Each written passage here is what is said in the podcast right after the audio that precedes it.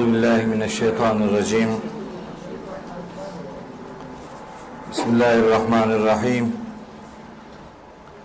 Elhamdülillahi rabbil alamin. Vessalatu vesselamu ala seyyidina Muhammedin ve alihi ve ashabihi ve men tebi'ahu bi ihsanin ila yevmiddin. Değerli kardeşlerim, bugün Mesed suresini okuyacağız inşallah. Geçen ders Kafirun suresini okumuştuk. Bu ders bizim belirlediğimiz nüzül sıralamasına göre sırada Mesed suresi var. Arada bir Nasır suresi var. O sure çok sonra indirilmiş. Çok sonra. Hatta Nasır suresinin Kur'an'ın indiriliş itibariyle en son suresi olduğu dahi söyleniyor. Buna rağmen bu sıralamada surelerin birbiriyle anlam ilişkisinin çok harika olduğunu belirlemeliyim. Yani düşünün ki Kafirun suresi ve Mesed suresi aslında Risaletin ilk yılında indirilmiş sureler. İkisinin arasındaki Nasır suresi ise vahyin yani bu surelerin indirilişinden yaklaşık 22 sene sonra indirilmiş bir sure. Tabir caizse iki tanesi vahyin ilk surelerinden, aradaki ise vahyin son suresi ya da son surelerinden. Buna rağmen ben bu sıralamanın da yani resmi sıralamanın da e, tevkifi olduğuna inanıyorum.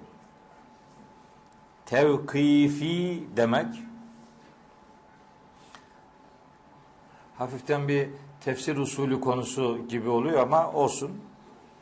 Bizim buradaki derslerimiz de İlahiyat Fakültesinin tefsir usulü ve tefsir dersleri gibi gidiyor zaten. Konuları aşağı yukarı hemen hemen hepsini vesile oldukça burada konuşuyoruz. Ayetlerin tespiti ve tertibi yani neye ayet deniyor ve hangi ayet hangi ayetten sonra yer alıyor? Bunun belirlemesinin tevkifi olduğu kabul ediliyor ki öyledir. Peki tevkifi ne demek? Tevkif kelimesi vakafe kökünden geliyor. Vakafe durmak demektir. Onu dört harfli kalıba dönüştürünce vakkafe tevkif durdurmak demektir. Hani cezaevlerine eskiden öyle yazardı. Ceza ve tevkif evi diye. Tevkif evi ne demek? Adam duruyor. Bir yere gidemiyor yani. Hareket yok. Durdurulma yeri demektir. Bizdeki tevkif tabi cezaeviyle alakası yok. Bizim tevkifilik aklın durdurulduğu durdurulması demektir. Yani bu konuda akıl iş görmez. Bu konuda kalkıp da filanca ayet madem bir ayet sayılıyor. Bu da ona benziyor. Bu da öyle bir ayet numaralamasıyla belirlensin. Hayır öyle olmaz. Düşünün mesela Hamim bir ayet. Yasin bir ayet. Taha bir ayet. İki harf. Ama aynı iki harf olan mesela Tasin bir ayet değildir. O birinci ayetin parçasıdır. Mesela Elif, La, Mim üç harf bir ayet. Ama Elif, Lam, Ra o da üç harf ama ayet değil. Ayetin parçası. Elif, La, Mim, Sad mesela dört harf bir ayet. Ama Elif, La, Mim, Ra o da dört harf ama bir ayet değil. Birinci ayetin parçası. Mesela kaf, ha, ya, ayin, sad beş harf bir ayet. Hamim, ayin, sin, kaf. O da beş harf iki ayet. Şura suresinin başındaki mukatta harfleri iki ayettir. Beş harf iki ayettir. Öbürü ayet değildir deyince onu istismar edenler de çıkıyor tabi. Aybettin. Ee, diyor ki Elif Lamra ayet değil. E niye burada duruyor? Ayet değil deyince adam zannediyor ki bu Kur'an'dan değil. Halbuki ayet değil sözü sıkıntılı bir söz. Ayet değil dememek lazım. Müstakil bir ayet değil, birinci ayetin parçası demek lazım. Ayetlerin tespiti de, tertibi de tevkifidir. Yani neyin ayet olduğu, neyin bir ayetin parçası olduğu akılla, icdihatla, mantıkla kararlaştırılamaz. İşte biz buna tevkifilik diyoruz. Aklın vakfettirilmesi, durdurulması. Akıl burada iş görmez. Vahiy Cebrail aleyhisselam nasıl öğrettiyse işte öyle bilinir. Buna tevkifilik deniliyor. Surelerin sıralaması nasıldır? Surelerin sıralamasının da tevkifi olduğunu söyleyenler var. İctihadi olduğunu söyleyenler var. Kısmen tevkifi, kısmen ictihadi olduğunu söyleyenler de var. Böyle üçlü bir kabul e, söz konusu. Ben sure sıralamalarının da tevkifi olduğuna inanan, inananlardanım. Çünkü Kafirun suresiyle Mesed suresinin arasında Nasır suresi bulunuyorsa bu surelerin birbiriyle anlam ilişkisi var. Böyle çala kalem sıralanmış değil. Yani Kafirun suresinden sonra bu kısa sureler içinde gelebilecek en güzel sure Nasır suresidir. Niye? Kafirun'da bir tarafta peygamberimizin duruşu var, bir tarafta müşriklerin sapkınlığı var. Önce peygamberi duruş yani tevhid üzerinden Nasır suresinde bir müjde veriliyor. Sonra putperestlerin sapkınlığı üzerinden Mesed suresinden bir örnek veriliyor. Çok harika. Kafirun suresinden sonra en güzel sıralama böyle olabilirdi yani. Bu araya diğer kısa surelerin herhangi birini yerleştirmek e, çok doğru bir sıralama olmayacaktı. O itibarla bu sıralama harikadır. Resmi sıralama için bunları söylüyorum. Peki nüzül sıralamasında e, durum nedir? Onu birazdan ifade edeceğim. Mesed suresi genel tanıtım itibariyle söyleyeyim. İniş sırasına göre bizim belir, benimsediğimiz sıralamaya göre 19. suredir. Bunu zaman zaman söylüyorum. Bir daha söyleyeyim. Bu nüzül sıralamaları standart değildir. Yani birden çok nüzül sıralaması e, örnekleri vardır. Bizim takip ettiğimiz, bizim benimsediğimiz sıralamaya göre 18. sırada Kafirun suresi, 19. sırada ise Mesed suresi indirilmiştir. Surenin resmi sıralamadaki yeri 111'dir. Ayet sayısı 5'tir. İniş yeri tabii ki Mekke'dir. Muhtevasını 5 ayetlik bir sure olsa da iki grupta değerlendirebiliriz. Buna göre ilk iki ayet Ebu Leheb'in lanetlenmesi ve sahip olduklarının ona fayda vermeyeceği, son üç ayet ise hem onun hem de eşinin yaşayacağı korkunç akıbet üzerinde duruluyor. Birazdan e, bu surede ne tür mesajların olduğunu sizlere ifadeye gayret edeceğim. Kendisinden önce indirilen Kafirun suresiyle Mesed suresinin anlam ilişkisi gayet açıktır. Kafirun suresinde putperest insanların putperestliği üzerinden peygamberimizin onları putperest ilan etmesi ve onlar gibi herhangi bir inanış içerisinde bulunmadığını söylemesi nedeniyle Kafirun suresinde prensip olarak ya da ilke olarak ortaya konulan durum Mesed suresinde bir örnek üzerinden değerlendirilmektedir. Dolayısıyla Mesed suresinin Kafirun suresinden sonra indirildiği aşikar bir gerçekliktir diyebiliriz. Evet. Şimdi başlayalım. Bismillahirrahmanirrahim.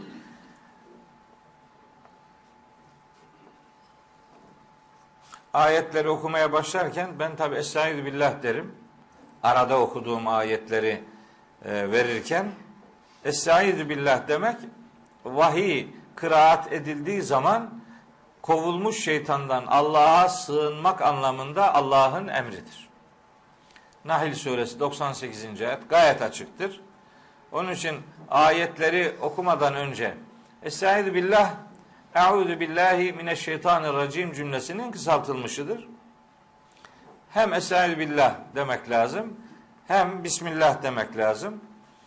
Hayırlı bir işe besmele ile başlamak gerektiği, besmele ile başlamayan bir işin sonunun epter olacağı yani kötü biteceği noktasında peygamberimizin bize bıraktığı bir uyarısı var. O uyarıdan hareketle önce ayet bize öğrettiği için Estaizu billah deriz. Sonra da peygamberimizin uyarısı doğrultusunda Bismillah deriz. Bu vahye karşı bir sadakat göstergesidir. Bu noktada herhangi bir tembel duruş içerisine girmeyiz, girmemeye özen gösteririz. Tabi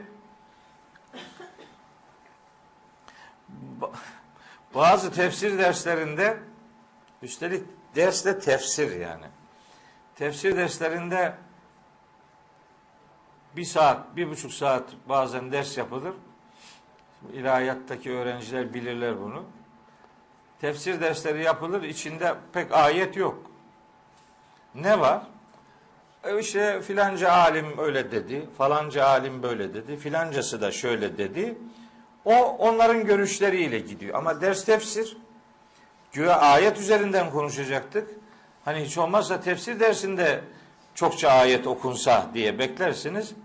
Pek öyle olmaz. Bizim derslerimiz ayet yoğunluklu olarak geçiyor elhamdülillah. Biz bu yoğunluğu canımıza minnet sayıyoruz. Herhangi bir tereddüt içerisinde değiliz. Ee, ısrarla istiazeyi ve besmeleyi dilimizin tesbihine dönüştürme gayretimiz var. Allah mahcup bırakmasın. Şimdi Tebbet suresinin ilk, ilk iki ayeti şöyle. E, hepiniz biliyorsunuz. Tebbet yeda ebi lehebin ve tebbe. Ebu Leheb'in iki eli kurusun ve tebbe bunun tercümesi şöyle. Zaten kurudu da şimdi bakacağız biraz sonra kurudu mu? Ma agna anhu maluhu ve ma kesep malının ve kazancının ona hiçbir faydası da olmamıştır. Standart tercüme bu. Ben bunun üzerinden bir takım açıklamalar yapacağım elbette. Şimdi zaman zaman bu derslerde beyan ediyoruz. Siz de şahitsiniz. Bazı ayetlerin bazı surelerin iniş sebebi var. Biz buna nüzül sebebi diyoruz. Nüzül sebebi bazı ayetlerin daha kolay anlaşılmasına vesiledir. Ama bir ciltlik bir kitabın nüzül sebebi olarak sekiz cilt kitap yazmayı da çok doğru bulmuyoruz. Kur'an-ı Kerim kendisi bir cilt, nüzül sebepleri sekiz cilt. Nasıl oluyor bu yani? Bu sıkıntı. Öyle bir e, gazada gelmiyoruz. Her nüzül sebebidir denen rivayete de itibar etmek durumunda değiliz. Bu noktada bizi düzgün adımı attıracak bir takım ilkelerimiz var. O ilkelerin başında da nüzül sebebi denen rivayetin ayetin metniyle uyumlu olduğunu ararız. Biz oraya bakarız yani. Şimdi bu bu surenin de nüzül sebebi olarak bir takım rivayetler naklediliyor. Ben iki tanesini size aktarmak istiyorum. Sureyi indirildiği tarih itibariyle nasıl bir ortama geldi onu olayla buluşturma noktasında bize katkısı olacağı için ifade ediyorum. Aslında nüzül sebebi mesela bu surenin Nüzul sebebini bilmeseniz de bu sureyi anlarsınız yani. Ebu yani. Ebu Leheb'in iki eli kurusun. Kendisi de kurusun. Malının, kazancının ona bir faydası olmadı. Efendim Alevi yoğun bir ateşe yaslanacak. Odun taşıyıcısı olarak hanımı da onunla beraber gidecek. Boynunda çok kuvvetli bir yular bulunduğu halde hanımı da cehenneme girecek. Anladık bunu. Yani bu öyle anlaşılmayacak bir şey değil. Fakat biraz daha hani biraz daha ufkumuz açılsın diye nüzul sebebi rivayetlerini naklediyoruz. Siz şahitsiniz. Benim toptancı bir mantığım olmamıştır hiçbir zaman. Ne tamamını kabul ne tamamını red. Ben seçerek alanlardanım. Ee, tamamını kabul eden cürufunu da alıyor. Tamamını reddeden cevherini de atıyor. Böyle yapmıyoruz biz. Yani cevheri cüruftan ayıracak bir ölçümüz var. O da vahiydir. Vahyin hakemliğinde kararımızı vermeye gayret ediyoruz. Şimdi Şuara suresi diye bir sure var. Kur'an-ı Kerim'in 26. suresidir. Şuara suresi şairler manasına gelir. O surenin 214. ayetinde şöyle bir beyan vardır. Şöyle bir emir vardır. Rabbimiz Nebi Aleyhisselam'a hitaben buyuruyor ki ve enzir aşiretekel akrabin yakın akrabanı uyar. Böyle bir ayet var orada. O sure 227 ayet değil mi şerefciğim? Şu Ara suresi 227 ayet. 227 ayetlik devasa bir surenin 214. ayeti kısacık bir şey. Ayet ve enzir aşiretekel akrabin yakın akrabanı uyar. Bu ayet nedeniyle Peygamberimiz rivayet edildiğine göre Safa tepesine çıkıyor bir sabah. Sesleniyor ey insanlar sabah oldu uyanın diyor. Kureyş oraya toplanınca ne oldu neyin var hayırdır sorusunu soruyorlar peygamberimize. O da diyor ki size şu tepenin arkasında bir atlı grubun saldıracağını söylesem bana inanır mısınız diye soruyor. Onlar da evet biz senden şimdiye kadar doğrudan başka bir şey işitmedik. Zaten ona el emin demişlerdi. Güvenilir adam manasında. Abdullah'ın oğlu Muhammed'le sorunları yoktu onların. Ama Allah'ın elçisi Hazreti Muhammed'le hiç de barışık olamadılar. Aynı şahsın e, tarihsel kimliğiyle sorunları yok ama aktif pozisyonuyla derin sorunları vardı. Biz senden doğrudan başka bir şey duymadık. Dolayısıyla inanırız deyince o da Peygamberimiz Aleyhisselam buyuruyor ki öyleyse ben sizi önünüzde bulunan şiddetli bir azap ile uyarıyorum. Yani gidişiniz gidiş değil. Bunun akıbeti felaket gelecek. Ona göre kendinize gelin, kendinize çeki düzen verin deyince Ebu Leheb hemen atılıyor oradan. Yuh olsun sana, yazıklar olsun sana. Bizi bunun için mi buraya topladın? Deyip peygamberimize çıkışıyor. Rivayet o ki bu sure onun bu çıkışı üzerine indiriliyor. Bu rivayet Buhari'nin işte El Camiu Sahihinde bu surenin e, tefsiri bağlamında geçiyor. Bu rivayet. Bir rivayet daha var. O da e, İmam Taberi'nin Camiül Beyan adlı eserinde aldım. Başka yerlerde de var. Yani sadece bir kitapta filan yok. Buna göre ise olayın kahramanı gene Ebu Leheb fakat diyalog farklı. Nedir diyalog? Ebu Leheb bir gün geliyor Resulullah'a diyor ki sana inanırsam bana ne var yani buradan ödül olarak? Ben ne faydasını göreceğim bu işin? Deyince peygamberimiz ona Müslümanlara ne veriliyorsa sana da o. Ebu Leheb bunu kabul eder mi? Benim onlara göre bir üstünlüğüm yok mu yani? Aynı mı olacağız? Yani koca Ebu Leheb şimdi bir de yani bir herhangi bir Müslüman şimdi olacak iş mi? Peygamberimiz de ona neyle üstün tutulacaklısın peki? Yani seni farklı kılacak ne var yani? Neyin var? Bu cevabı alınca çıldırıyor Ebu Leheb. Diyor ki böyle bir dine yazıklar olsun. Beni diğer insanlarla bir bir tutan böyle bir din olmaz olsun. Yuh olsun diyor işte. Böyle bir dine. İşte onun bu sözleri sonrasında surenin indirildiği rivayet ediliyor. Neticede bir sure böyle bir veya birkaç olay üzerine indirilmiş olabilir. Eğer olayların metinle bir çelişki arz eden boyutu yoksa nüzül sebebi birden çok da olabilir. Ama bazen nüzül sebepleri birden çok oluyor. Birbiriyle hiç alakası olmuyor. Zamanı tutmuyor, şahısları tutmuyor, olay tutmuyor. Ee, onun üzerine bu hepsi nüzül sebebidir, doğrudur demeye getiriyorlar. Bunu kabul edemeyiz yani. Geçen bir ders söyledim mi bilmiyorum. Nüzül sebebi rivayeti birden çok ise biri sahih ise diğeri sahih değilse sahih olan alınır diğeri alınmaz. Herhalde yani. O, o demişimdir onu. Bunu birkaç defa söyledim. İkisi de sahih ise birini diğerine tercih ettirecek bir sebep yoksa mesela biri gördü, biri duyduysa gören tercih edilir, duyan tercih edilmez. Evet doğru.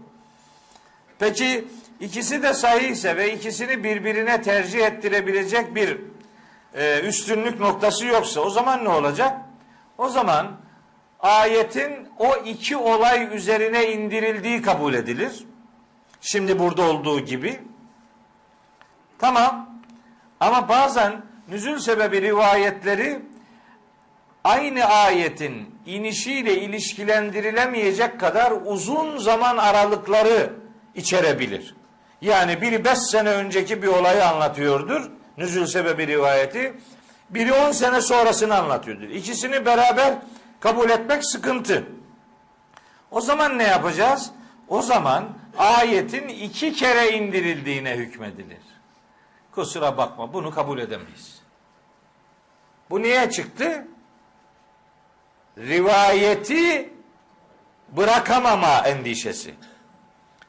Rivayeti bırakamama endişesi Kur'an'da eksik yazılım vardır sonucuna götürüyor. Orayı görmüyor beyim.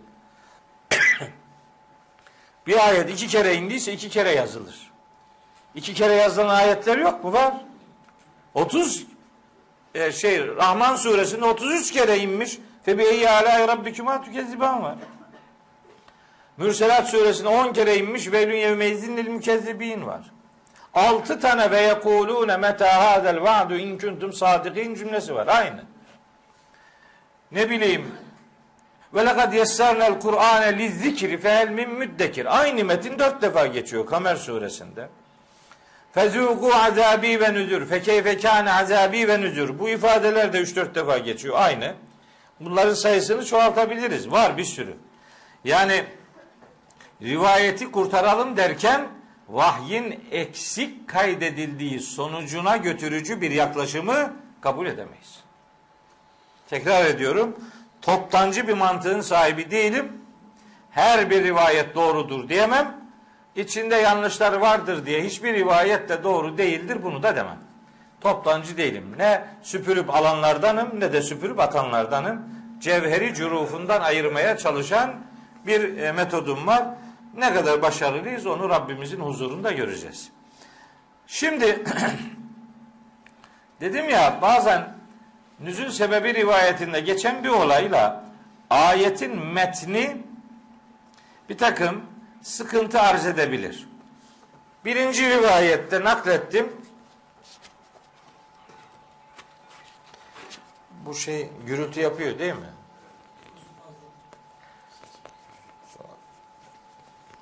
Yani böyle asılsınız. Şimdi dedim ki hani orada bir soru sorulabilir. Soruyu insan ister istemez bekliyor. Şu Ara suresinin bir ayeti inince demiştim ya. Soracağız da şu Ara suresi ne zaman indi? Risaletin yedinci yılında. Bu o sure ne zaman indi? Birinci yılda. E bir tarafta yedinci yılda indirilen bir sureden ayet, öbür tarafta birinci yılda indirilmiş sure. Nasıl oluyor bu? Bak nüzul sebebi rivayetinde sıkıntı var. Bunu halletmemiz lazım. Yani halletmemiz lazım derken doğru anlamamız lazım bunu. Nasıl anlayacağız bunu? Eğer şu Ara suresi bütün halinde indirildiyse bu rivayet sorunludur. Ya bu rivayet sorunludur ya da Mesed suresi Şuara suresinden sonra indirildi demek zorundayız. Ya böyle diyeceğiz ki bunu diyen yok. Bunu diyemiyoruz. Şimdi Tebbet suresinin aşağı yukarı ne zaman indirildiği biliniyor. O zaman zorunlu olarak şunu beyan etmek zorundayız. Şu, sureler böyle motamot yani homojen bir şekilde bütün halinde indirilmiş değildir. Bütün halinde indirilen sureler var ama hele ki bu büyük sureler, uzun sureler bir anda topluca indirilmiş değillerdir. Buradan hareketle şu Ara suresinin 214. ayeti ki ne diyordu o ayette? Neydi ayet? Ne? Yakın akrabanı uyar. Yakın akrabanı uyar ayetinin şu Ara suresinin genelinden daha önce indirildiği kabul edilir. Hele ki tebbetten de önce indirildiği kabul edilir. Olur mu? Olur. Çünkü ayetlerin tertibi, sıralanışı tevkifidir dedik. Yani Cebrail aleyhisselam herhangi bir ayeti veya ayet grubunu getirdiği zaman onun nere yazılacağını peygamberimize öğretiyordu. Yani ayetlerin sıralamasını peygamberimiz yapmış değil. Bunu sahabiler filan yapmış hiç değil. Bu sıralama Cebrail aleyhisselamın öğretmesiyledir. O tevkifilik bunun üzerinden e, öğrenilir. Buradan hareketle şu Ara suresinin 214. ayetinin surenin bütününden farklı olarak daha önce indirildiği ama yazı itibariyle, yer itibariyle oraya yerleştirildiği kabul edilirse rivayeti kurtarmakta bir sıkıntı yok ama ayeti doğru anlama noktasında bir prensibimiz böylece devreye girmiş olur. Bütün bu söylediklerim sureye giriş mesabesinde sözlerdi. Şimdi surenin ayetlerini teker teker bazen kelimelerini teker teker ele alarak anlamaya çalışalım. Şöyle buyuruyor Rabbimiz. tebbet tebbet bu bir bu bir kahır ve lanet ifadesi. Yazıklar olsun, lanet olsun manasına gelir. Kur'an'da bu kökten gelen tetbib, tebab kelimeleri var. Biri Mümin suresi 37. ayette, biri Hud suresi 101. ayette. O ayetlerdeki kullanımlardan da istifade ederek kelimenin anlam dünyasında bir helak ve hüsran manasının olduğunu biliyoruz. Demek ki bir helak ifadesidir, bir ziyan ifadesidir, bir lanet ifadesidir. Şimdi gene hafiften bir teknik bilgi olacak ama buna mecburum. Şimdi Arapçada emir kalıbında gelen cümleler var. Emir. Kalıp, kalıp olarak emirdir bu. Bu emir kalıbında gelen ifadeler üç türlü değerlendirilir. Emir kalıbı. Eğer emir kalıbı birbirine eşit durumdaki insanlar tarafından birbirine yönlendiriliyorsa yani konumu eşit olan insanlar birbirinden bir şey isterken emir kalıbını kullanıyorlarsa ki Arapçada bu zorunludur. Buna talep deniyor. Talep, istek. Yani işte telefonu bana ver dersin arkadaşına. Bu kalıp olarak her ne kadar emir olsa da aslında bu bir taleptir. Bir bildiğimiz manada emir söz konusu değildir. Bazen bu emir ifadeleri makamı yüksek olan birinin daha düşük olan birine yönelik hitabında geri alabilir. İşte emir budur. Yani emretmek yukarıdaki pozisyonu itibariyle üstün olan, yukarıda olan birinin pozisyon olarak daha düşük durumdakine yönelik isteğine buna emir derler. Emir denince de anlaşılan budur. Bu ikinci türüdür. Bunun bir üçüncü türü daha var. Konum olarak daha düşük durumda olanın daha yüksek durumdakine yönelik isteklerinde de emir kalıbı vardır. İşte ona dua derler. Biz Rabbimize dua ederken emir kalıplarıyla dua ederiz. Öyle mi? Rabbena iğfirli. Ya Rabbi beni bağışla. İğfir emir kalıbıdır. Kalıp olarak emirdir. Rabbena atina. Ati emirdir. Bize ver. Vensurna. Bize yardım et. Kalıp emirdir. Varhamna. Bize rahmet et. Emir kalıplarıdır. Ama bir kulun Rabbine yönelik ifadeleri emir kalıbında dile getirilse de bunun karşılığı duadır. Arapçada bu talep ifadeleri mana olarak bazen fiil kalıbıyla da elde edilebilir. Yani yani kelime fiildir ama manası talep olabilir. Bu da Arapçadaki dua formlarından bir tanesidir. Kelime fiildir, manası emirdir. Olur mu? Olur. Kur'an-ı Kerim'de bunun örnekleri var. Ama önce Arap lisanıyla ifade edeyim. Mesela e, mezar taşlarında yazar mesela Arapça. Rahimehullahu. Rahime rahmet etmek demektir. Mazi bir fiildir. Rahimehullahunun motamot tercümesi Allah ona merhamet etti demektir. Ama o bir dua formudur aynı zamanda. Rahimehullahu Allah ona rahmet etsin anlamına gelir. Gafarallahu lena ve leküm. Allah bize de size de mağfiret etsin. Veya yerhamullahu, yerhamukumullahu. Allah size merhamet etsin. Kalıp fiil olsa da mana bir talep ve dua içerebilir. Kur'an'da bunun örnekleri var mı? Var. Mesela Tevbe suresinde bir tane söyleyeyim. Tevbe suresinin 43. E, ayeti. Peygamberimize hitaben Allahu Teala buyuruyor ki afallahu anke. Allah seni affetsin. Afa affetti demektir aslında. Ama burada talep manası vardır. Allah seni affetsin manasına gelir. Tevbe suresi 43. ayet. Arapçayı iyi bilmeyip de bunu tercüme ederken Allah seni affetti diye yazan meallerimiz de var. Ama biraz daha yakın ilgiye ihtiyacı var. Meal yazmak öyle çok kolay bir iş değildir. Yusuf suresi 92. ayette Hazreti Yusuf'un kardeşlerine yönelik cümleleri arasında böyle bir dua formu da gelir. Hani kardeşleri geliyor işte ondan yardım istiyorlar sonra o onlara verdikleri ücreti gerisin geri veriyor. Kardeşinizi getirin diyor. Bir dahaki sefer kardeşini Bünyamin'i de getiriyorlar. İşte ondan sonra Bünyamin'in yüküne bir su kabı koyuyor. Burada bir hırsızlık olayı var filan. Onu geri bırakmak için başka çıkar yol yok. Onu oradan geri bırakıyorlar. O arada olayı anlatıyor Hazreti Yusuf. Kardeşlerini tabi tanıyor. Onlar onu tanımıyorlar. O arada einneke le ente Yusuf diyorlar. Yoksa sen Yusuf musun? Şaşırıyorlar yani. Sen o musun? Kale ene Yusuf. Evet evet ben Yusuf'um ve haza ahi bu da benim ana baba bir kardeşim Bünyamin diyor. Ondan sonra size ne yapmamızı e, ne yapmamı bekliyorsunuz yani diye onlar ondan iyilik gördüklerini beyan ederek Hazreti Yusuf onlara diyor ki La tesribe aleykümül yevm Bugün size kınama yok. Yağfirullahu leküm Allah sizi affetsin.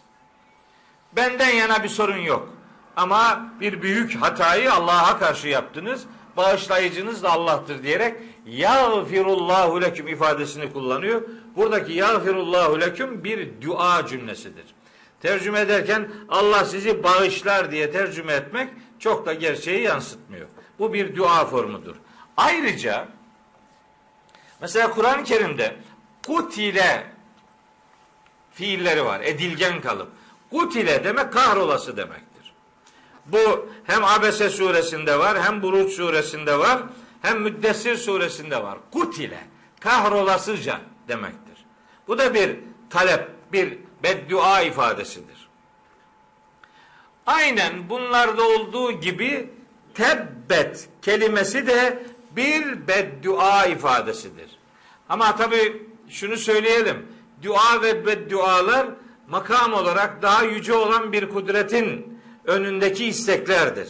Rabbimiz bunu haşa daha yüksek bir makam olmadığına göre kimden ne istiyor ki?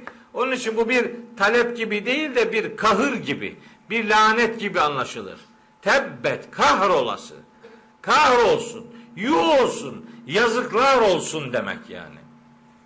Kahrolsun ifadesi yerli yerince oturuyor. Tebbet kahrolsun yeda ebi lehebin Ebu Leheb'in iki eli kahrolsun. Ve tebbe zaten kahroldu da deniyor. Tabi benim buna çok ciddi bir şekilde itirazım var. Zaten kahroldu da, zaten kurudu da. Kurumadı ki. Bu sure indiği zaman kurumadı yani. Bu sure indirildiğinde Ebu Leheb'in elleri terör estiriyordu. Hiç eli meli kuruduğu yok. Kuru, kuruma zamanı bu surenin indirilişinden yaklaşık 12 sene sonradır. Çünkü onun ne zaman öldüğünü biliyoruz. Bedir Savaşı'ndan bir hafta sonra öldüğü biliniyor. Dolayısıyla bu surenin indirilişiyle Bedir Savaşı arasında uzun yıllar var. Yani en az 12 sene var yani.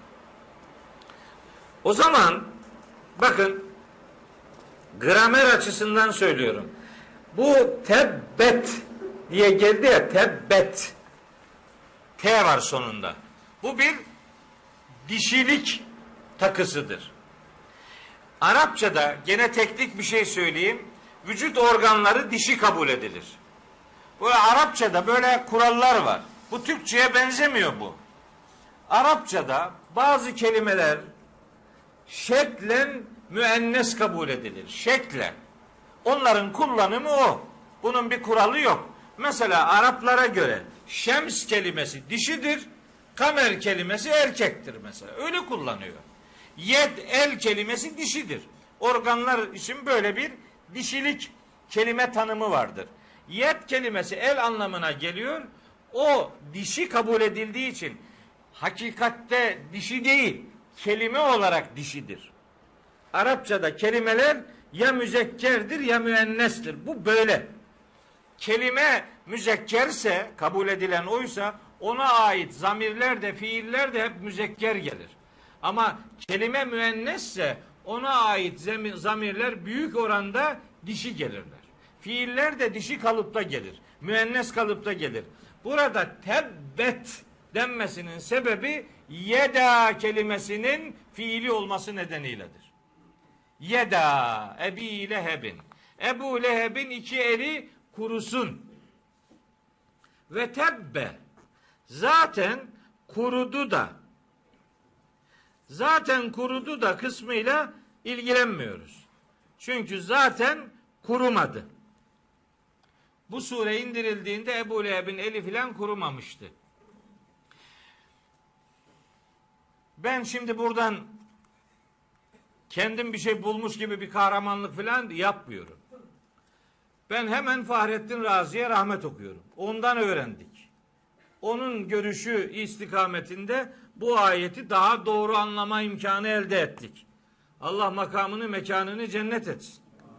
Fahrettin Razi'nin biraz önce rivayeti naklettiğim Taberi gibi, Buhari gibi e, İslam'a o anlamda emek vermiş insanları hep rahmetle yad ederim. Ama bir takım görüşleri olabilir ki, naklettikleri bir takım sözler olabilir ki bunları kafama uymadığı için değil, ayete uymadığı için doğru olmadıklarını da söyler. Bazen bu görüş çok doğru gelmiyor çünkü şu ayete aykırı duruyor diye bunu da söylerim. Razi diyor ki bu tebbet fiili aslında kahrolsun, kurusun iki eli manasını veriyor. Tebbet. Ayetin sonunda da ve tebbe var ya o da kahrolsun manasına gelir diyor. Tebbet yeda Ebi Leheb'in. Ebu Leheb'in iki eli kurusun, kahrolsun ve tebbe kendisi de kahrolsun. Bu ve tebbe de kahır ifadesidir. zaten kahroldu da dememizi gerektirecek bir durum varsa o zaman zaten kahroldu da diyecekse kahrolan ne? Ebu Leheb'in iki eli. Peki Ebu Leheb'in iki eli kahrolsun dediğimizde tebbet T'li kullandık ya. Onun iki eli zaten kahroldu da diyeceksen ikincisi de ve tebbet olması lazımdı. Ama öyle değil. Ve tebbet değil ikincisi. Diyorlar ki ikincisinin sonunda T'nin gelmemesinin sebebi ayet sonlarındaki uyumdur. Ayet sonları B harfiyle bittiği için T onun kafiyesini bozacağı için ve tebbet gelmedi de ve tebbe geldi. Yani şeklen iyi bir gerekçe gibi duruyor ama bu da gerçeği yansıtmıyor. Çünkü Tebbet suresini biliyorsunuz siz. Ayet sonlarına gidin. Sonunda B'yi değil dal harfini göreceksiniz. Ma agna anhu malu ve ma keseb seyasla naran zate leheb ve emraetu hammaletel hatab bunlar da B ama fi cidiha hablum min mesedi de olmadı. Demek ki ayet sonlarındaki böyle bir uyum gerekçesi gerçeği yansıtmıyor. O zaman geride kalan tek ihtimalimiz var. O da Razi'nin merhumun dediği gibi ve tebbe ifadesinin de kahır manasına geldiğidir. Ben bu ayetleri hep öyle tercüme ederim. Ebu Leheb'in iki eli kurusun, kendisi de kahrolsun. İki eli kahrol, iki eli kahrolsun, kendisi de kahrolsun. Yani ve tebbe fiilinin faili huvedir. Yani Ebu Leheb'e gider o, Yeda'ya gitmez. Vakıa olarak da surenin indirildiği dönemde Ebu Leheb'in iki eli filan kurumuş değildi. Ya da kurudu kuruyacak demek lazım. Ve tebbe kurudu kuruyacak.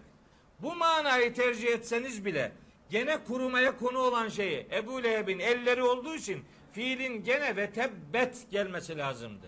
Tebbe diye geldiği için ikincinin de birincinin de bir kahır ifadesi manasını verdiği bizim tercihimizdir.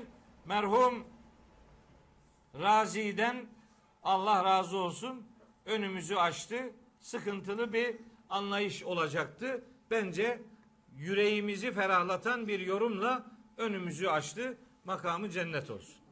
Şimdi bu tebbetle ilgili sözüm bu. Geliyoruz ikinciye. Yeda Ebi Leheb'in. Ebu Leheb'in iki eli. Yed el demek. Yeda iki el demek. Ebu Leheb'in iki eli. Bu bir mecazi ifadedir. Yani maksat biyolojik olarak Ebu Leheb'in elleri kurusun da yani ayakları sağ kalsın demek değil bu. Elleri kurusun ama gene bedeni devam edebilir. Böyle bir anlam yok. Bu bir mecaz ifadesidir. Peki Ebu Leheb'in iki eli, iki ifadesi var burada. Arapçada biz buna tesniye kullanım diyoruz. İki. Ebu Leheb'in nasıl bir iki eli var güç itibariyle? Bu bir ekonomik gücü, çok zengin bir adam. İki, sosyal nüfuzu, sosyal gücü, sosyal otoritesi yüksek bir adam. Mekke'nin en hatırlı, sözü en çok iş gören adamlarından biri. Hem zengin hem nüfuzlu. Yeda kelimesinin ifade ettiği mana Ebu Leheb'in bir ekonomik gücü bir de sosyal nüfuzu olarak algılanabilir. Hatta ikinci ayette ma agna anhu maluhu ve ma keseb malı ve kazandığı ifadesinden hareketle bu güç bağlamında onun malına ve kazancına gönderme yapıldığı da kabul edilebilir. Buradan hareketle kahra konu olan şeyin Ebu Leheb'in ekonomik gücü ve sosyal nüfuzu olarak izah edilebilir. Bizim tercihimiz de bu istikamettedir. Şimdi burada Kur'an'a dair çok önemsediğim bir hususa dikkat çekmeliyim. Kur'an-ı Kerim'de kelimeler, kavramlar ve ikinci ayette örneğini vereceğim üzere edatlar çok anlamlılık esasına sahiptir. Her kelime her zaman standart anlam vermez. her edat her zaman standart bir anlamda kullanılmaz. Bu bir Kur'an üslubudur. Bu üslubu bilmek gerekir. Yet kelimesi hani ben bununla ilgili bir de bir yani, yani uzun zaman çalışarak bir e, çalışma ortaya koydum. Kur'an'da çok anlamlılık üzerinde çok anlamlılık bağlamında Kur'an sözlüğü diye bir çalışma yapmıştım. Yaklaşık 630 tane kelimeyi 630 kelime ve 25 edatı çok anlamlılık bağlamında Kur'an-ı Kerim'i teker teker defalarca okuyarak hangi kelime çok anlamlı olanlar ama hangi çok anlamlı kelime hangi ayette hangi anlamı veriyor bunu yani yıllarca çalışarak incelemeye gayret ettim ve çok harika sonuçların olduğunu da gördüm. İşte bu çok anlamlılık örneklerinden biri de bu yet kelimesidir. Çok anlamlı bu. Standart anlamlı değil. Burada bir kısmının örneğini yazdım. Hepsi yok orada da hani örnek olsun diye ifade etmek istedim. Mesela Bakara suresi 237. ayette biyedihi ukdetun nikahi diye bir ifade var. Nikah bağı onun elindedir diye geçer. El yedihi onun eli demek. Bir yedihi onun elindedir demek onun kontrolünde demektir.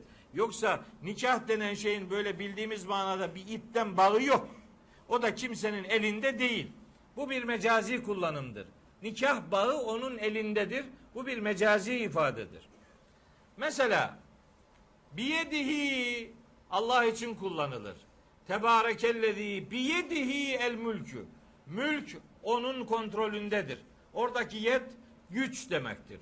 Kudret demektir. Allah'ın elindedir demek onun gücünde ve onun kudretindedir demektir. Mesela Yasin'de var. Evelem yarav enna halakna lehum mimma amilet eydina. Bizim ellerimizin yaptığı. Oradaki ellerden kasıt haşa Cenab-ı Hakk'ın bildiğimiz manada organik bir eli olamaz. O bir kudret, güç demektir. Kudretimizin, gücümüzün meydana getirdiği işler bağlamında işte hayvanları yarattık, insanlar onlara sahip oluyorlar. Oradaki yet kelimesi güç, kuvvet, kudret manasına geliyor. Mesela yet kelimesi Maide suresinin 64. ayetinde, İsra suresinin 71. 29. ayetinde İsra 29'da yet kelimesi cimrilikle alakalı kullanılır. Ve la tec'al yedeke magluleten ila unukike. Elini boynuna yapıştırma. Eli boynuna yapıştırmak cimrilik yapma demektir. Bak yet kelimesi kullanılıyor. Cimrilikle alakalı. Yahudiler Allahu Teala için derlermiş ki ve kâletil yehudu yedullahi mağluletun. Allah'ın eli kilitlidir. Allah'ın eli kilitlidir yani Allah cimridir diyorlar. Eli kilitli olmak cimriliğin bir ifadesidir. Ona cevaben Yüce Allah buyuruyor ki bel yedahu mebsutatani. Allah'ın bir eli değil iki eli de ardına kadar açıktır. Yedahu iki eli. Yani bu cömertlik manasına gelen bir kullanımdır. Her kelime her zaman standart anlam vermez. Mesela Fetih suresi 10. ayette geçer. Yedullahi fevka edihim. Allah'ın eli onların ellerinin üstündedir. Ne demek?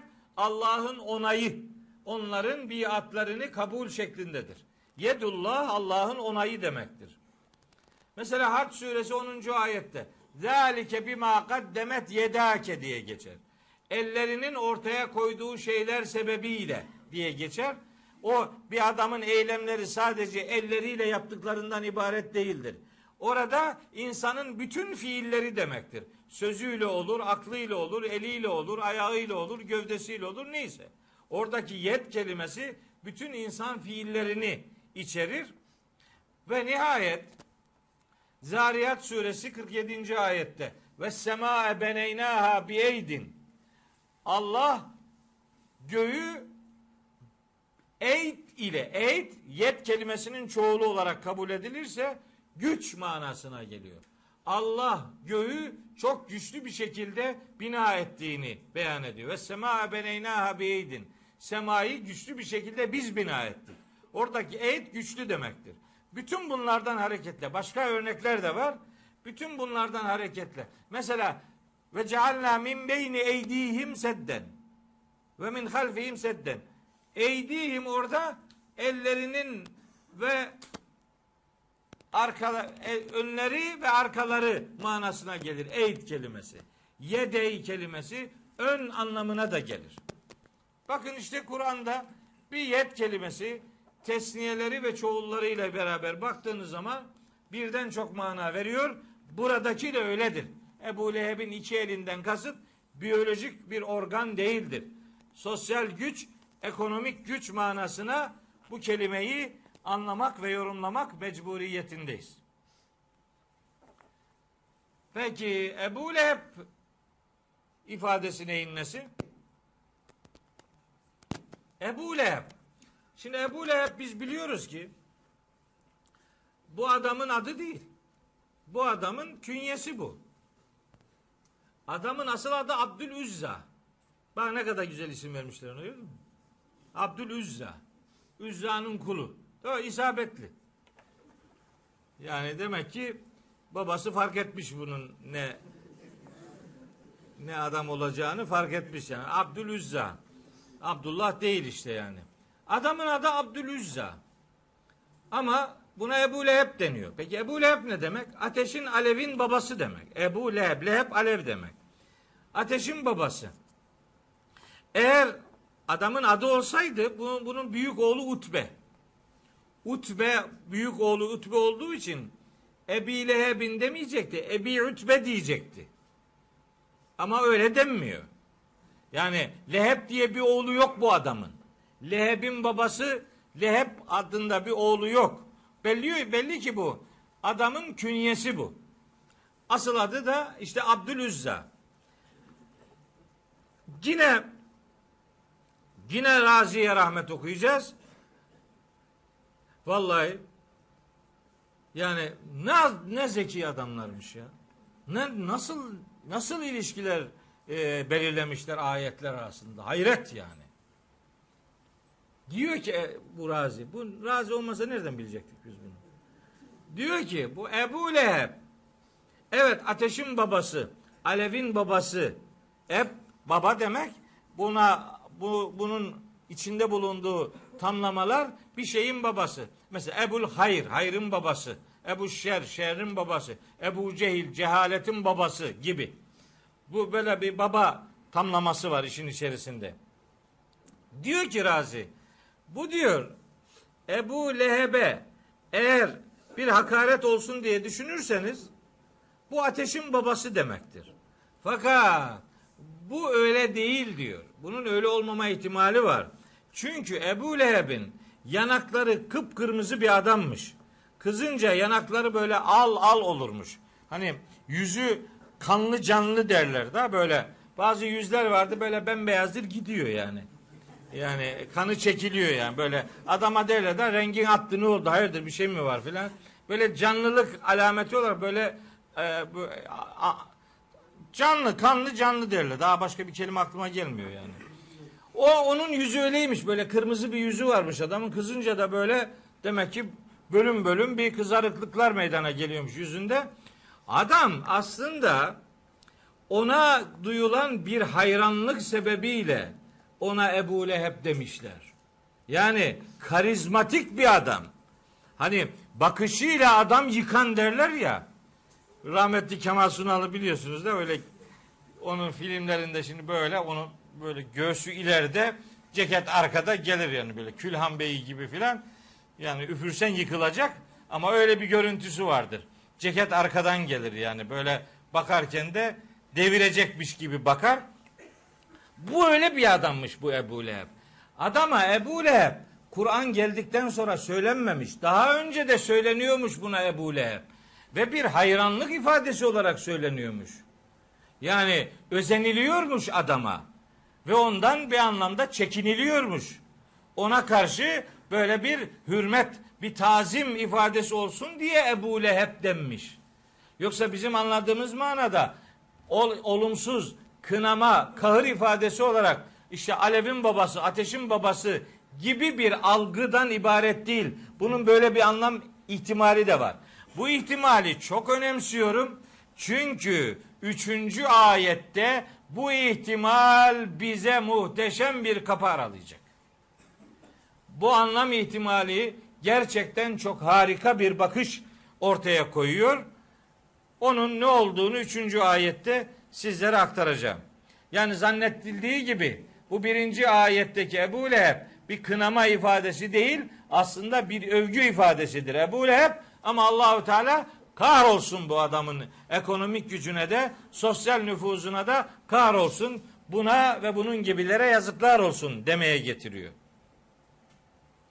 Evet ve tebbeyi biraz önce söylemiştik. Birinci ayeti bitirdik. Bir, birinci ayet bir saat sürdü. Bu beş ayet beş saat sürecek demek değil. Karan kısmı yarım saatte bitecek inşallah. Ebu Leheb'in iki eli kahrolsun. Kendisi de kahrolsun. Birinci ayetin özet olarak vermek istediği mesaj bu. İki. Ma agna anhu maluhu ve ma kesep. Malının da kazandıklarının da ona bir faydası olmadı. Ma agna anhu maluhu ve ma kesep. Bakın biraz önce söyledim. Arapçada bu bu tür edatlar birden çok anlam ihtimali bulunan edatlardır. Birden çok anlamı var bunların. Ma edatı Kur'an'daki kullanımları itibariyle de olsa bir çırpıda size bunun 7-8 manasını söyleyebilirim. Bu bu harfin, bu edatın verdiği manalar. Mesela mutlak nekre manası var. İnna Allah la yestahyi en yadribe meselen ma. Şöyle bir misal vermekten kaçınmaz ki oradaki ma mutlak nekrelik manasına gelir. Ma. Mesela ma harfi edatı mesela taaccüp ilginç bulma anlamı verebilir. Ma asbarahum alennar. Ateşe nasıl da dayanacak bu adamlar? Kutilel insanu kahrolası şu insan ma ekferahu nasıl da nankörlük yaptı? Oradaki ma taaccüp dediğimiz ilginçlik, etkilenme, garip karşılama manası veren bir edattır ma. Mesela ma edatı soru manası verebilir. Ne? Ma edatının verdiği manalardan biri. Soru. Nedir? Mesela mesmuke adın ne? Oradaki ma ne manasına soru edatıdır. Ma edatı sıla manası verebilir. Şöyle ki anlamında şöyle ki diye bir mana verebilir. Bu onun anlam ihtimallerinden biridir. Mesela ma edatı olumsuzluk manası verebilir. Olmadı, yapmadı manasında bir olumsuzluk edatı anlamı da var. Kaç tane söyledim? İşte dörtten fazla. Bir nekre, iki taaccüp, üç sıla, dört soru, beş nefi, beş. Dört değil işte. Değil mi? Beş. Daha da var da şimdi bir çırpıda hepsi aklıma gelmiyor. Maşallah o işte bu. Maile değil yok o me'a aile o me'adır o ma değil. Neyse işte yani var. Ee, nereden bileyim ben onları sayacağımı bilsem onları hepsini bakardım. Böyle bir çırpıda 4-5 tane dedik Allah bin bereket versin. Ma agna anhu maluhu ve ma kesib. Burada ma diye bir edat var. Ma. Bu edat olumsuzluk manası verebilir. Yani anlam şöyledir. Malının ve kazandıklarının ona hiçbir faydası olmadı. Olmayacak demektir bu. Yani bu sure indirildiğinde bu, bu sahip olduğu malının ve kazandıklarının ona hiçbir faydası olmayacak. Böyle gelecek zaman manası verebilir. Olumsuzluk manasıyla beraber egna fiili gelecek zaman manası verebilir. Ama bu maya soru edatı manası da verebiliriz. Ma agna anhu maluhu ve ma keseb. Malının ve kazandığının ona ne faydası oldu ki? Ne faydası oldu ki demek sorunun cevabı bekleniyor demek değil. Ne faydası oldu ki demek hiçbir faydası olmadı olmayacak demektir. Şimdi açarsınız bir Kur'an mealini biri olumsuz manayı tercih etmiş olabilir. Biri soru manasını tercih etmiş olabilir. Siz de kalkıp bunlar hep birbiriyle çelişkili bunlar filan demenin bir alemi yok. Eğer meali bilen biri yaptıysa ve edatların ya da kelimelerin ya da gramatik açıdan cümlelerin yapısı gereği birden çok anlamı ihtimali bulunan bir pozisyonda farklı anlamlar tercih ediliyorsa bu bir çelişki değil, Kur'an için bu bir zenginliktir. Onu çelişki gibi görüp birbirini bu da hiçbir şeyden haberi yokmuş gibi suçlamaya gerek yok. Malı ve kazandığı ifadesinin de birden çok e, yorumu yapılabilir ama o detaya girmiyorum. Malının, kazandığının ister babasından dedesinden kalan miras olsun, ister kendi kazandığı mal olsun, ister kazandığı mal, ister yaptığı eylemler olsun. Bazıları buna kazandığı şeyler bağlamında çocuklar manası da veriyorlar. Her neyse inkarcı bir adamın sahip olduğu şeylerin kazandığı şeylerin ona bir faydası olmayacak. İster mal, ister miras, ister makam, ister otorite, ister şöhret, ister güzellik, ister fazla çocuk, ister nüfus ne olursa olsun sonuç değişmiyor. Bütün bunlar inançsız insanın başına bela olacaktır demektir. Buna ne faydası var ki demek? Hiçbir faydası yok. Hiçbir faydasını görmeyecek demektir. Şimdi geldik üçüncü ayete. Bakın ne diyor şimdi. Seyasla naran zate lehebin. Seyasla naran. Bu Ebu Leheb var ya, bu Ebu Leheb bir ateşe yaslanacak. Yasla girmek, yaslanmak, orada bulunmak demek. Seyasla. Vakti zamanı geldiğinde bir ateşe yaslanacak. Nasıl bir ateş? Zate lehebin lehebi olan bir ateş.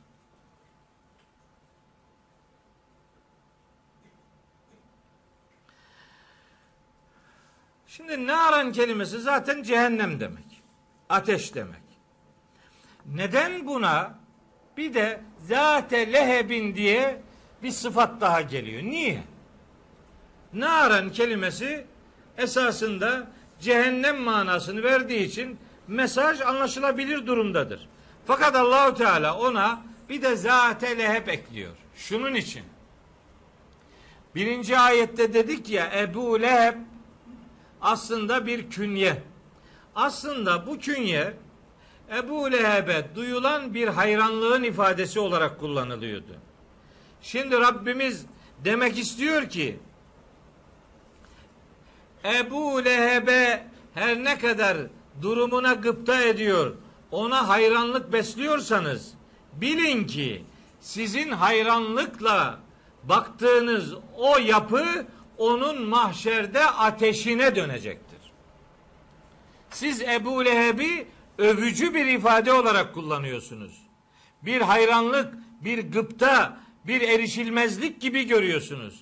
Ama o onun başına bela olacaktır. Öyle bir ateşe girecek ki o ateş zate lehebin alevi yoğun bir ateş olacaktır. Bunun vermek istediği mesaj şu. Dünyada övündüğünüz şeyler ahirette dövündüğünüz şeyler olmasın. Doğru şeylerle övünün. Yanlış şeyler başınıza dert olacak bunu unutmayın. Ebu Leheb bir övgü ifadesi olarak kullanılmasın. Kullanılıyorsa da bunun mahşerde sahibini perişan edecek bir azap sebebi olduğu unutulmasın demeye getiriyor. Buradaki zate leheb birinci ayetteki Ebu Leheb'in övgünün yersiz olduğunu ortaya koyan bir sıfat ifadesi olarak ayette yer alır. Söylenmek istenen gayet açıktır. Ebu Leheb'in adının kullanılmaması, künyesinin kullanılması bize şu mesajı verir. Der ki Ebu Leheb ölmüş olabilir ama Ebu Leheb'lik devam ediyor haberiniz olsun. Malınızla, kazancınızla, yerli yersiz eğer övünüyorsanız, bu malı ve kazancı Allah'ın yoluna rağmetmiyorsanız, kazancınızı Allah verdi, bunu onun rızası doğrultusunda değerlendirelim demiyorsanız, bu malınız ve kazancınız başınıza bela olacak. İster ekonomik gücünüz olsun, ister sosyal nüfuzunuz olsun, ister makamınız, mevkiniz, şanınız, şöhretiniz olsun. Eğer Allah'a kul olma bilinciyle bütünleştirilmemişse sahibinin övüncü değil, sahibinin belası olacaktır mahşerde. Övündüğünüz şey ateşiniz olacaktır haberiniz olsun. Biz bunun çok nefis bir ayetten karşılığını biliyoruz. Bakın Tevbe suresinde nasıl da tam bunu anlatıyor Allahu Teala. Surenin 34 ve 35. ayetleri var. Tevbe suresi 34 35. Orada buyuruyor ki Hoca Allah. Estağfirullah. Ya eyyühellezine amenu inne kesiren minel ahbari ve ruhbani le yekulune emvalen nasi bil batıl ve yasuddun an sebilillahi vellezine yeknizune zehebe vel fiddate ve la yunfikunaha fi sebilillahi febeşşirhum bi'azabin elimin yevme yuhma aleyha fi nari cehennem fetükva biha cibahuhum ve cunubuhum ve zuhuruhum hâzâ mâ keneztum li enfusikum fezûkû mâ kuntum teknizûn. Yahudi ve Hristiyan din adamlarının büyük çoğunluğu insanların mallarını haksız yere yiyor, yiyorlar. Yiyorlar değil mi? Şimdi Kudüs'e gidip gelen arkadaşlar var. Onlar anlatıyorlar. Diyor ki bizim Şeref kahroldum diyor orada. Dün akşam geldi. Kudüs'telerdi. Kudüs'e gidemedik. Gideriz. İsrail beni oraya pek sokmaz ama yani sokarsa da gidip yani Kudüs'ü görmek istiyorum esasında ömrümün bir yerinde. Peygamberler tarihinin önemli bir bölümü o coğrafya ile alakalıdır. O Tin ve Zeyta bölgesini mutlaka görmek istiyorum ve Tini ve Zeytuni de oraya yemin ediliyor. Çünkü öyle incire zemine, zeytine yemin edilmiyor yani. Bölgeye yemin ediliyor. Görmek isterim oraları. Şimdi orada yani bir mabette ezan okumak için Yahudiden izin alacaksın. Namaz kılmak için izin alacaksın. Hürriyet sıfır. Ne bu serbestiyetin sebebi ne? Adamın böyle astığını astık, kestiğini kestik, başına buyruk bir pozisyon içerisinde bulunmasının sebebi ne? Müslümanların darma duman görüntüsüdür. Ne kadar etrafında, İsrail'in etrafında ne kadar bir İslam coğrafyası varsa hepsi problemli. Bir tane adam gibi ayakta duran yok. Onları birbirine verip o coğrafyayı olabildiğinde daha çok devletçiklere bölüp güç parçalanması elde edip kendisi orada Beypaşa gibi yaşıyor. Orta Doğu'nun en müreffeh ülkesi İsrail. Kim ne derse desin. En rahat onlar yaşıyor. Herkes onlara bir gıpta ile bakıyor. Ama onlar bence Ebu Leheb sembolüdür. Onların o gıpta edilen durumu sahtedir. Onlara o gıpta edilen mesele mahşerde başlarına bela olacaktır. Ama bu dünya hayatında da bu Müslümanların darma duman görüntüden behemhal uzaklaşması lazım. ya mezhepçiliği din yaptık. Al bölersin işte İslam ümmetini mahvedersin. Mezhebini din yapan adam öbür mezhebi dinsiz görüyor demektir. Yuvarlak konuşmanın bir alemi yok. Eğer mezhebin dinse öbür mezhep dinsiz oluyor. Yapma bunu. Yapma. Mezhepli olabilirsin. Mezhepçi olma. Yapma bunu. Kahroluyor. Millet birbirini öldürüyor. Suriye mahvoldu, perişan oldu. Irak mahvoldu, perişan oldu. Bundan sonra da öyle devam edecek. Yemen öyle, Mısır öyle, efendim Libya öyle, Tunus öyle. Yani İslam coğrafyası için için kan ağlıyor. Katar'da, Kuveyt'te, Bahreyn'de sinsi sinsi bir mezhep yapılanmasıyla, bir Şii yapılanmasıyla ehl sünnete karşı böyle bir hareket planlarının yapıldığı söyleniyor. Niye fırsat veriyorsun? Niye bizim mezhepçi diye bir tutumumuz oluyor? Kıb aynı kıbleyi paylaşıyorsan, aynı Allah'a inanıyorsan, aynı peygambere inanıyorsan, aynı kitaba tabiysen, bir başka farklı yorumu dinsizlik diye görüp onu neden ötekileştiriyorsun? Sen ötekileştirdikçe Sen böldükçe, parçaladıkça bu ümmetin gücü kuvveti yok olup gidecek. Şu ayeti dakikada bir ispat etmeye gerek yok artık anlayalım. Artık Enfal suresinin 46. ayetini anlayalım Allah aşkına. Allah ve Resulehu ve la tenaza'u fetefşelu ve tezhebe rihukum vasbiru. Allah'a ve peygamberine itaat edin. Kavga etmeyin birbirinizle. Dağılırsınız. Gücünüz, kuvvetiniz yok olur gider diyor Allahu Teala. Vasbiru değerlerinize sadakatle sarılın. İstenen bu. Allah'ın emir buyrukları böyle. Biz hala yeni yeni gruplarla devam ediyoruz. Yeni yeni gruplar. Yeni yeni cicular başlıyor. Yeni. Akşamdan sabaha bir tane daha çıkıyor. Bu bir firavun ahlakıdır. Ses, sözüm biraz sert gidiyor biliyorum. Gitsin. Gitsin. Kasas suresinin dördüncü ayetini her okuduğunda yüreğim kanıyor benim. Yapmayacak Müslümanlar böyle yanlışlıklar. Yapmasın. Yuvarlak konuşmanın bir alemi yok ya. Yüz yuvarlak konuşuyorsun. isteyen istediği yere çekiyor. Yok. Köşeli konuşacaksın. Köşeli. Net. Anlayacak bunu bu adam. Bak diyor ki Kasas suresi dördüncü ayette. İnne firavune. Firavun var ya diyor. Firavun ala fil ardı. Ülkesinde baskıcılık yaptı. Zorbalık yaptı. Ve ceale ehleha şiyan ülkesindeki ahaliyi gruplara böldü. Şia taraftar demek, grup demek. Gruplara böldü. Ne oldu böldü? Niye yaptı bunu? Yestad'ifu taifeten minhum. Sonra da gruplara böldü. O her bir grubu zayıf düşürdü. Sonra yez yüzebbihu ebnahum. Çocuklarını öldürdü işte. Zayıf düşürdü, öldürdü seni. Öldürüyor seni ya. Anlamıyor musun be kardeşim ya? Bu bir Yahudi oyunu yapma bu işi. Gelme bu oyuna kardeşim. Nedir bu? Kan ağlıyoruz ya. Televizyon haberleri izleyemez olduk. Yüreğimiz kanıyor. Biz onları izleyemiyoruz. Onlar orada yaşıyor. Alın, anlayın fecaati. Ne korkunç bir durum. Niye bu iş meydana geldi? Bölündük, parçalandık bunun için. Bu kadar basit.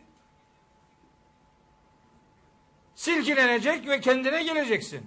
Müslümanı kardeşin bileceksin arkadaş. Onun yanlışı varsa emri bil maruf nehyanil münker görevini önce ona karşı yapacaksın. Ama onu ötekileştirmek için değil, kazanmak için yapacaksın bunu.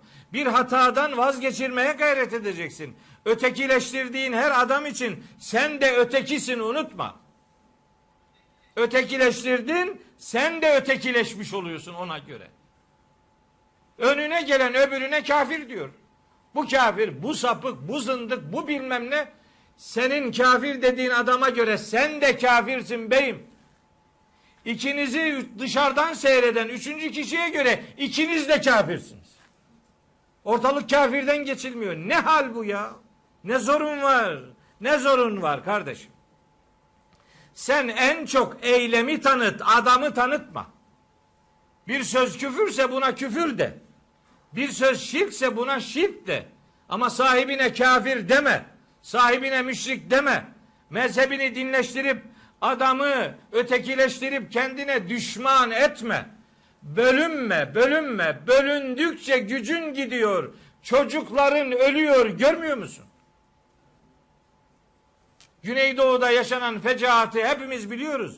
30 yıldır akan kanın haddi hesabı yok.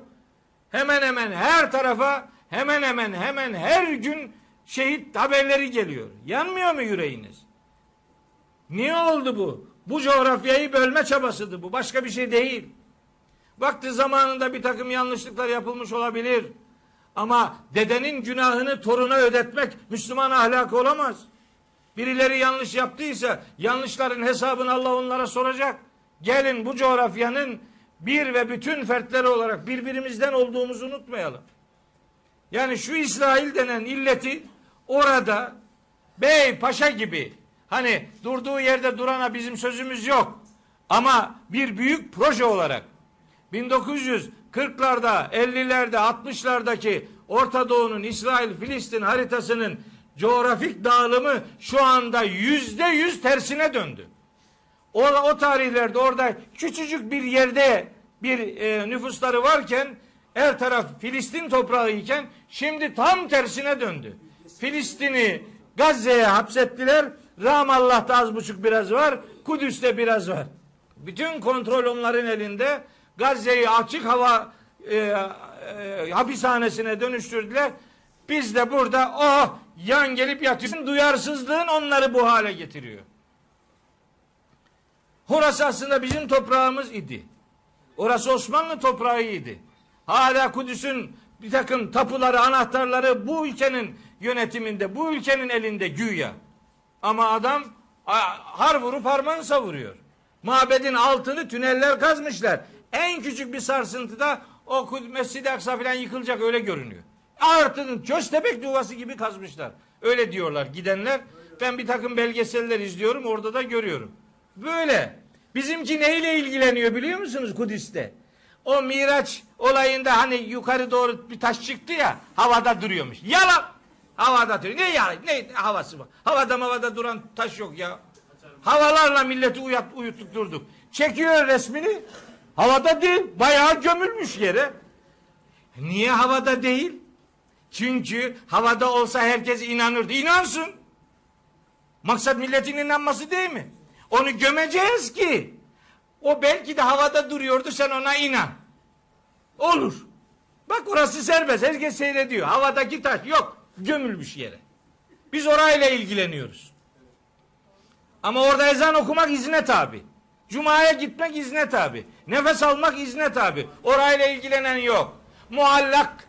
Haceri muallak. Muallakta havada duran taş. Yok öyle bir taş. Yok öyle bir taş. Yalanları yutmanın bir alemi yok. Bir takım Photoshop teknikleriyle öyle internette havada gibi gösteriyorlar. İnternetteki fotoğraf yanılmalarına aldanmanın bir alemi yok. Git bak. Orada yerde duruyor. Havada mavada taş yok. Ya mukaddes belde elin alemin hükümranlığında. Hiç, hiç canın acımıyor değil mi? Üç tane mukaddes beldemiz vardı. Biri de Kudüs'tü. Ne haber? Kimin elinde? Bizim elimizde değil. Bu kadar basit. Niye böyle olduk? Bölündük onun için böyle olduk. Biz güçlü olsaydık orası öyle olmayacaktı. Müslümanların bir dönem kıblesiydi Kudüs. Şimdi orada Allah'ın huzuruna dönebilmek için 50 kapıdan izin almak zorundasın. Yakışıyor mu Müslümana bu? Biz böyle olduk. Bu Ebu Leheblik ahlakı devam ediyor. Yani sömürü, sosyal güç, ekonomik nüfuz insanlar için çok cazip görünüyor. Onlar aşılamaz dağlar gibi algılanıyor. Allah'ın gücünün karşısında elin alemin insani gücünün hiçbir değeri yoktur. Siz Allah'tan yana olmaya bakın. Allah'tan yana olursanız Allah'ın kontrolünde bir hayat yaşar, onun rızasını kazanacak duyarlılıklar ortaya koyarsanız aşamayacağınız engel yoktur bu dünyada. Hiçbir akıl Bedir'de Müslümanların kazanabileceğini kestiremezdi. Ama kazandı. Sen Allah için yola çıkmana bak. Allah seni yolsuz bırakmayacaktır. Allah'ın dediği gibi tedbirli olmana, gücünü, kuvvetini, kudretini takınmana bak. Allah'ın yardımı seninle beraberdir. Ya eyyühellezine amenu in tensurullaha yansurküm. Siz Allah'a onun dinine yardım ederseniz o da size yardım edecek ve yusebbit akdameküm ayaklarınızı sabit tutacaktır. Keteballahu le aglibenne ene ve rusuli.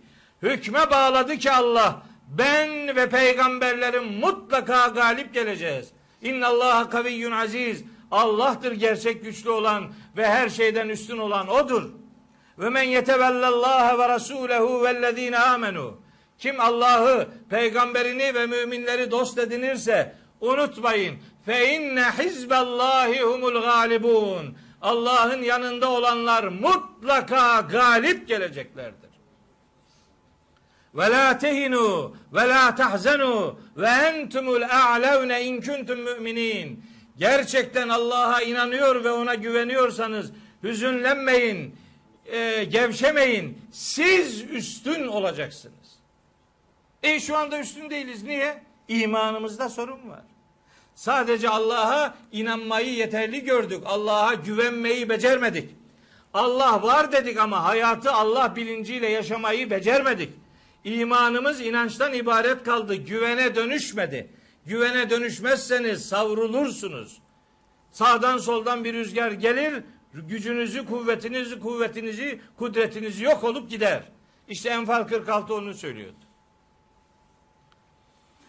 Tevbe suresi 34-35'i okurken buraya geldim. Yahudi ve Hristiyanlar ifadesinden hareketle. Diyor ki orada Yevme yuhma aleyha fi nari cehenneme fetikva biha cibahuhum ve cunubuhum ve zuhuruhum. Öyle ateşlere kavrulacaklar ki yanları, önleri, arkaları kavrulacak, kızartılacak. Onlara denecek ki haza ma keneztum li enfusikum. İşte bu ateş var ya dünyada sizin biriktirdiğiniz altın, gümüş ve benzeri ekonomik değerlerdir. Fezûkû mâ kuntum teknizûn. Şimdi dünyada biriktirdiklerinizin tadını alın bakalım.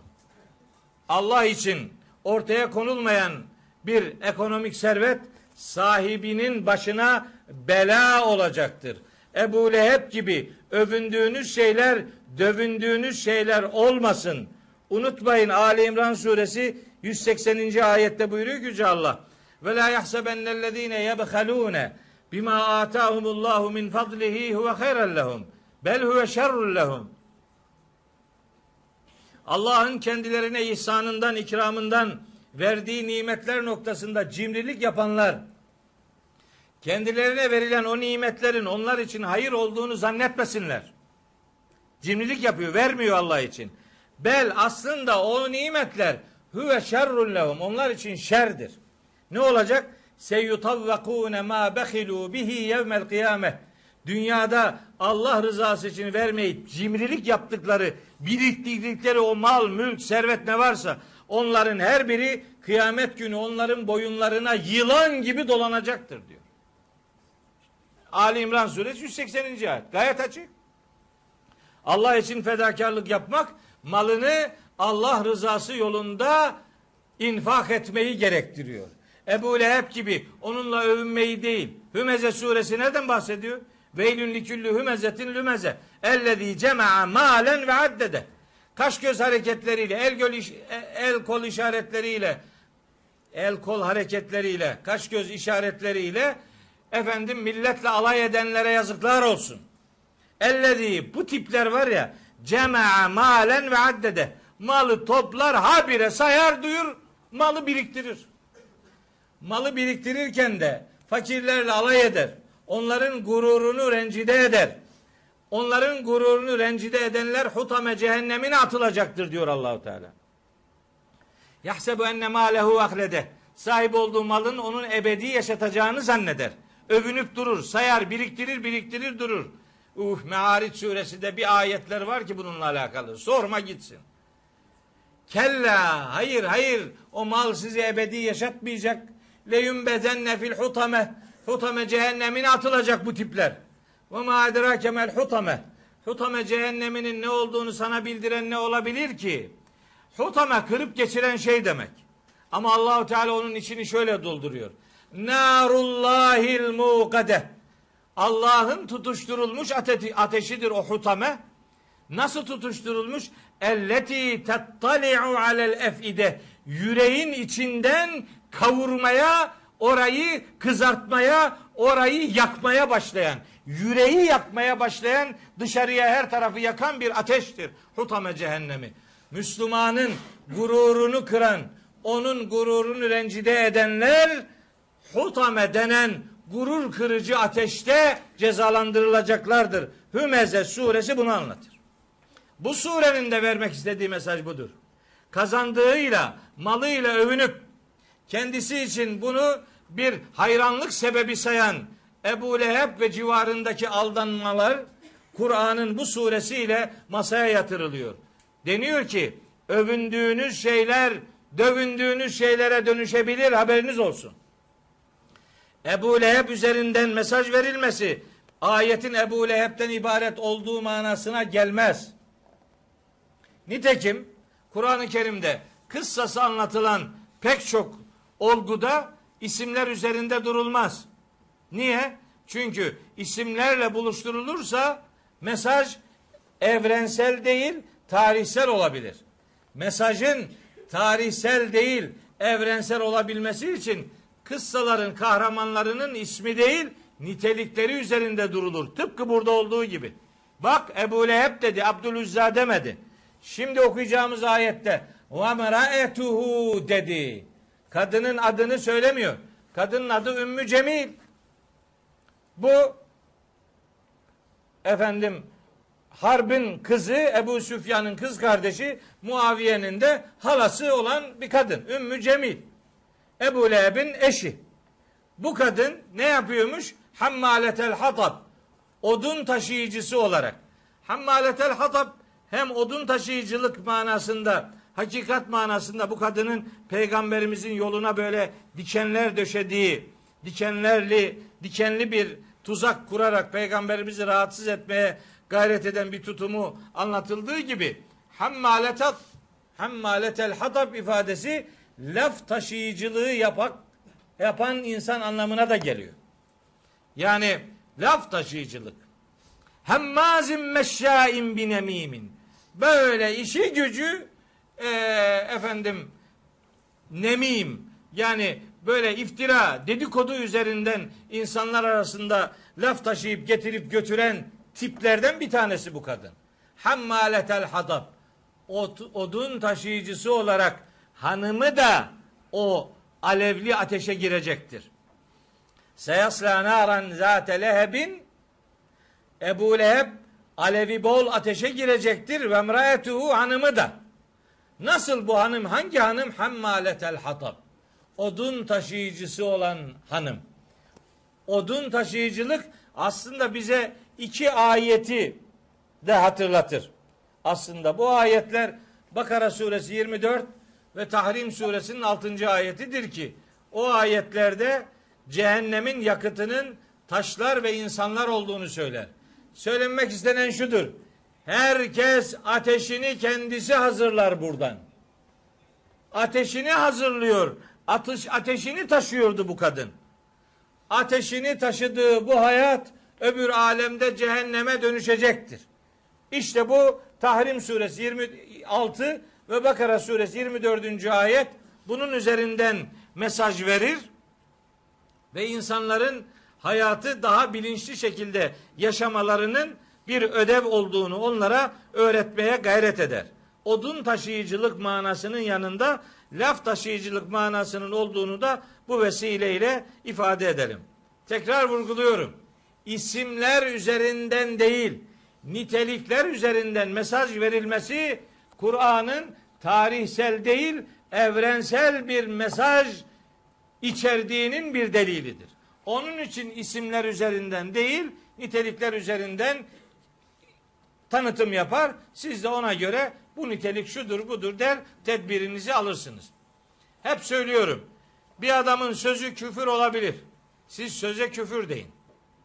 Bir adamın sözü şirk, davranışı şirk olabilir. Sözü ve davranışı şirk diye tanımlayın. Sahibine kafir ve müşrik demeyin. Neden? O isimlendirmeler Allah'a aittir. Onu Rabbimiz bilir. Kimin gerçekten kafir olduğunu, kimin gerçekten müşrik olduğunu o bilir. Ama biz kul olarak bir fiil, bir söz, bir söylem, bir eylem eğer tehlike içeriyorsa biz onun tehlikesi üzerinde dururuz. O sözün sahibini kazanmaya gayret ederiz. O itibarla nitelikler üzerinden konuşmak esastır. İsimler üzerinden mesaj vermemeye özen göstermek durumundayız.